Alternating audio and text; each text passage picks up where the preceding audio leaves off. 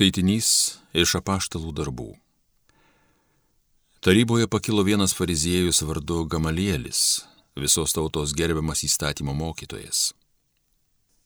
Jis įsakė trumpam išvesti apaštalus ir prabilo. Vyrai izraelitai. Gerai pagalvokite, kaip pasielgti su šitais žmonėmis. Juk prieš kiek laiko buvo iškilęs Teudas, kuris save laikė kažkuo nepaprastu Jis subūrė apie 400 šalininkų, bet buvo užmuštas. Visi jo bičiuliai įsisklaidė ir nuėjo niekais. Po to, gyventojų surašymo dienomis, atsirado Judas Galilėjietis ir patraukė dalį žmonių paskui save. Jis taip pat žuvo, o visi jo sekėjai buvo išblaškyti. Todėl aš ir dabar jums sakau, palikite šios žmonės ramybėje ir paleiskite juos Jei šis susibūrimas ir ši veikla iš žmonių, jie žlugs savaime. O jeigu jie iš Dievo, tai jūs nepajėgsite jų sunaikinti. Saugokitės, kad netaptumėte Dievo priešininkais. Ir taryba paklausė jo patarimo. Pasišaukę paštalus, nuplagdino juos, uždraudė kalbėti Jėzaus vardu ir paleido. O tie ėjo iš tarybos džiaugdamiesi, kad dėl Jėzaus vardo užsitarnavo panieką. Jie nesiliovė kiekvieną dieną mokyti šventykloje, bet skiruose namuose ir skelbti gerąją naujieną apie Jėzų Mesiją. Tai Dievo žodis.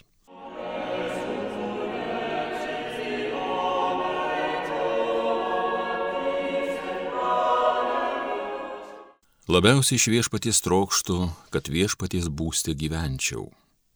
Viešpats mano šviesa, gelbėtojas mano, ko man bijotis. Viešpats gina mano gyvybę, ko man drebėti.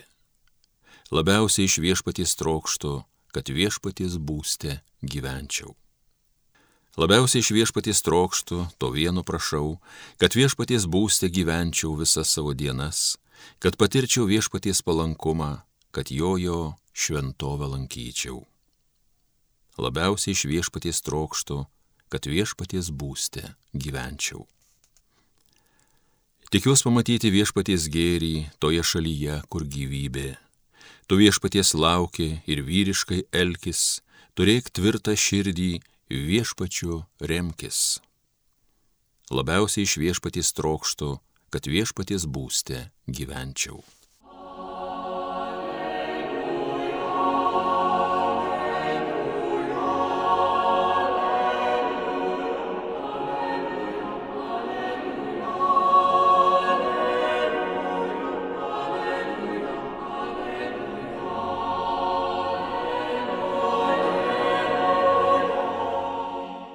Žmogus gyvas ne vien duona, bet ir kiekvienu žodžiu, kuris išeina iš Dievo lūpų.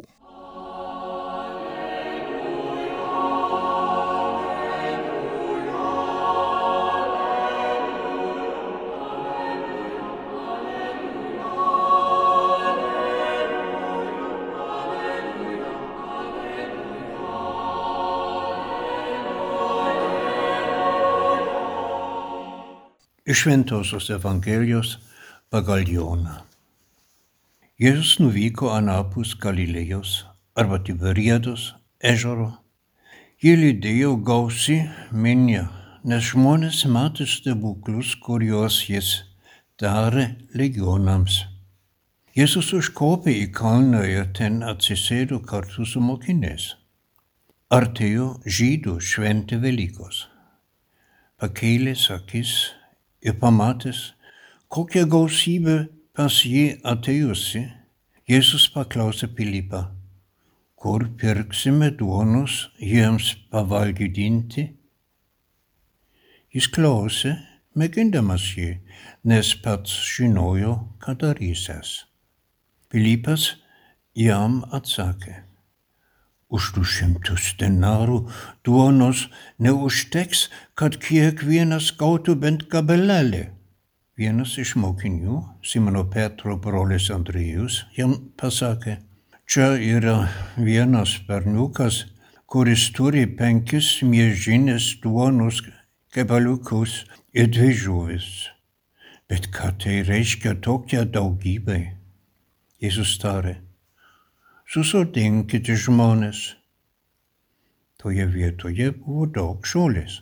Taigi, jie susėdo iš viso kokie penki tūkstančiai vyrų.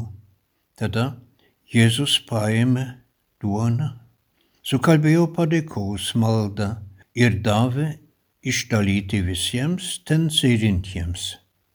Taip pat ir žuvų, kiek kas norėjo. Kai žmonės pavalgė, jis pasakė mokiniams, surinkite likučius, kad niekas nepražūtų. Taigi jie surinko ir iš penkių miežinės duonos kepalėlių pripylė dvylika pintinių gabaliukų kurie buvo atlikę nuo valgių sujų. Pamatė Jėzus padarytą stebuklą. Žmonės sakė, jis tikrai yra pranašas, kuris turi ateiti į pasaulį. O Jėzus supratęs, kad jie ruošiasi pasigriepti jį ir paskelbti karaliumi, vėl pasitraukė pats vienas į kalną.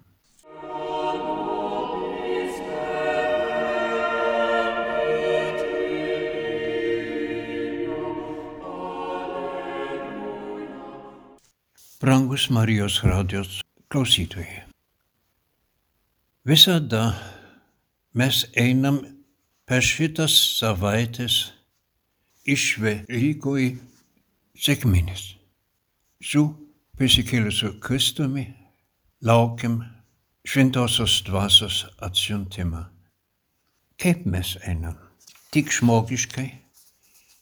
Ar mokam ir norim ir esam įpratę pasitikėti Dievu?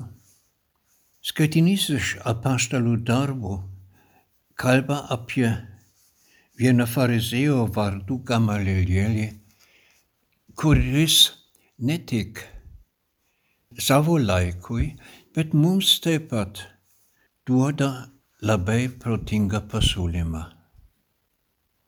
Žiūrėti, ar žmonės veikia su Dievu arba be Dievo prieš jį. Todėl aš ir dabar jums sakau, palikite šitos žmonės ramybėje ir paleiskite juos. Jei šis susibūrimas ir šį veiklą iš žmonių, jie žuks savaime. O jeigu jie iš Dievo, tai jūs nepajėgsite jų sunaikinti.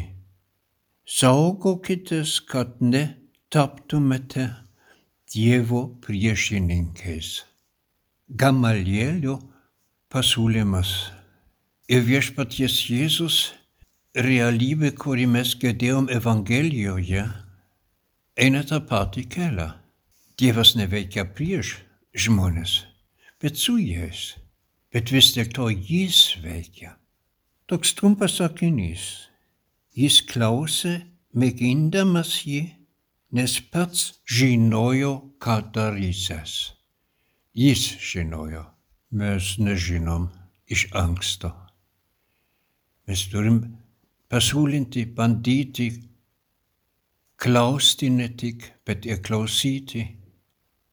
Ir stebuklas eina iš to, ką mes pasiūlėm. Bet aišku, kaip Evangelija rodė, virš to. Ir žmonės nori, kad aš drįstu sakyti, kad kartais bent Dievas veiktų už juos. Šios dienos Evangelijos tekstas baigėsi taip. Pamatę Jėzaus padarytą stebuklą žmonės sakė, jis tikrai yra pranašas, kuris turi ateiti į pasaulį. Jis, bet dėl jų, kad jie turėtų ko valgyti, kad jie, norėčiau sakyti, nieko nebeturėtų daryti, galėtų priimti ir imti kad Dievas už jas be jų padarytų, bet ne tikėjimas. Tikėjimas visada yra eiti su Dievu. Aš prisimenu, kaip mes kunigai sakom per šventas mišas bent tris kartus viešpat su jomis. Ir žmonės atsako ir su tavim, su tavo dvasia, su tavo gyvenimą Jums reikia Dievo, mums reikia Dievo ir mes vienas kitam padedam eiti bendrai kartu su Dievu. Tai yra realistinis gyvenimas. Veikti ir laukti ir Dievas padės. Amen.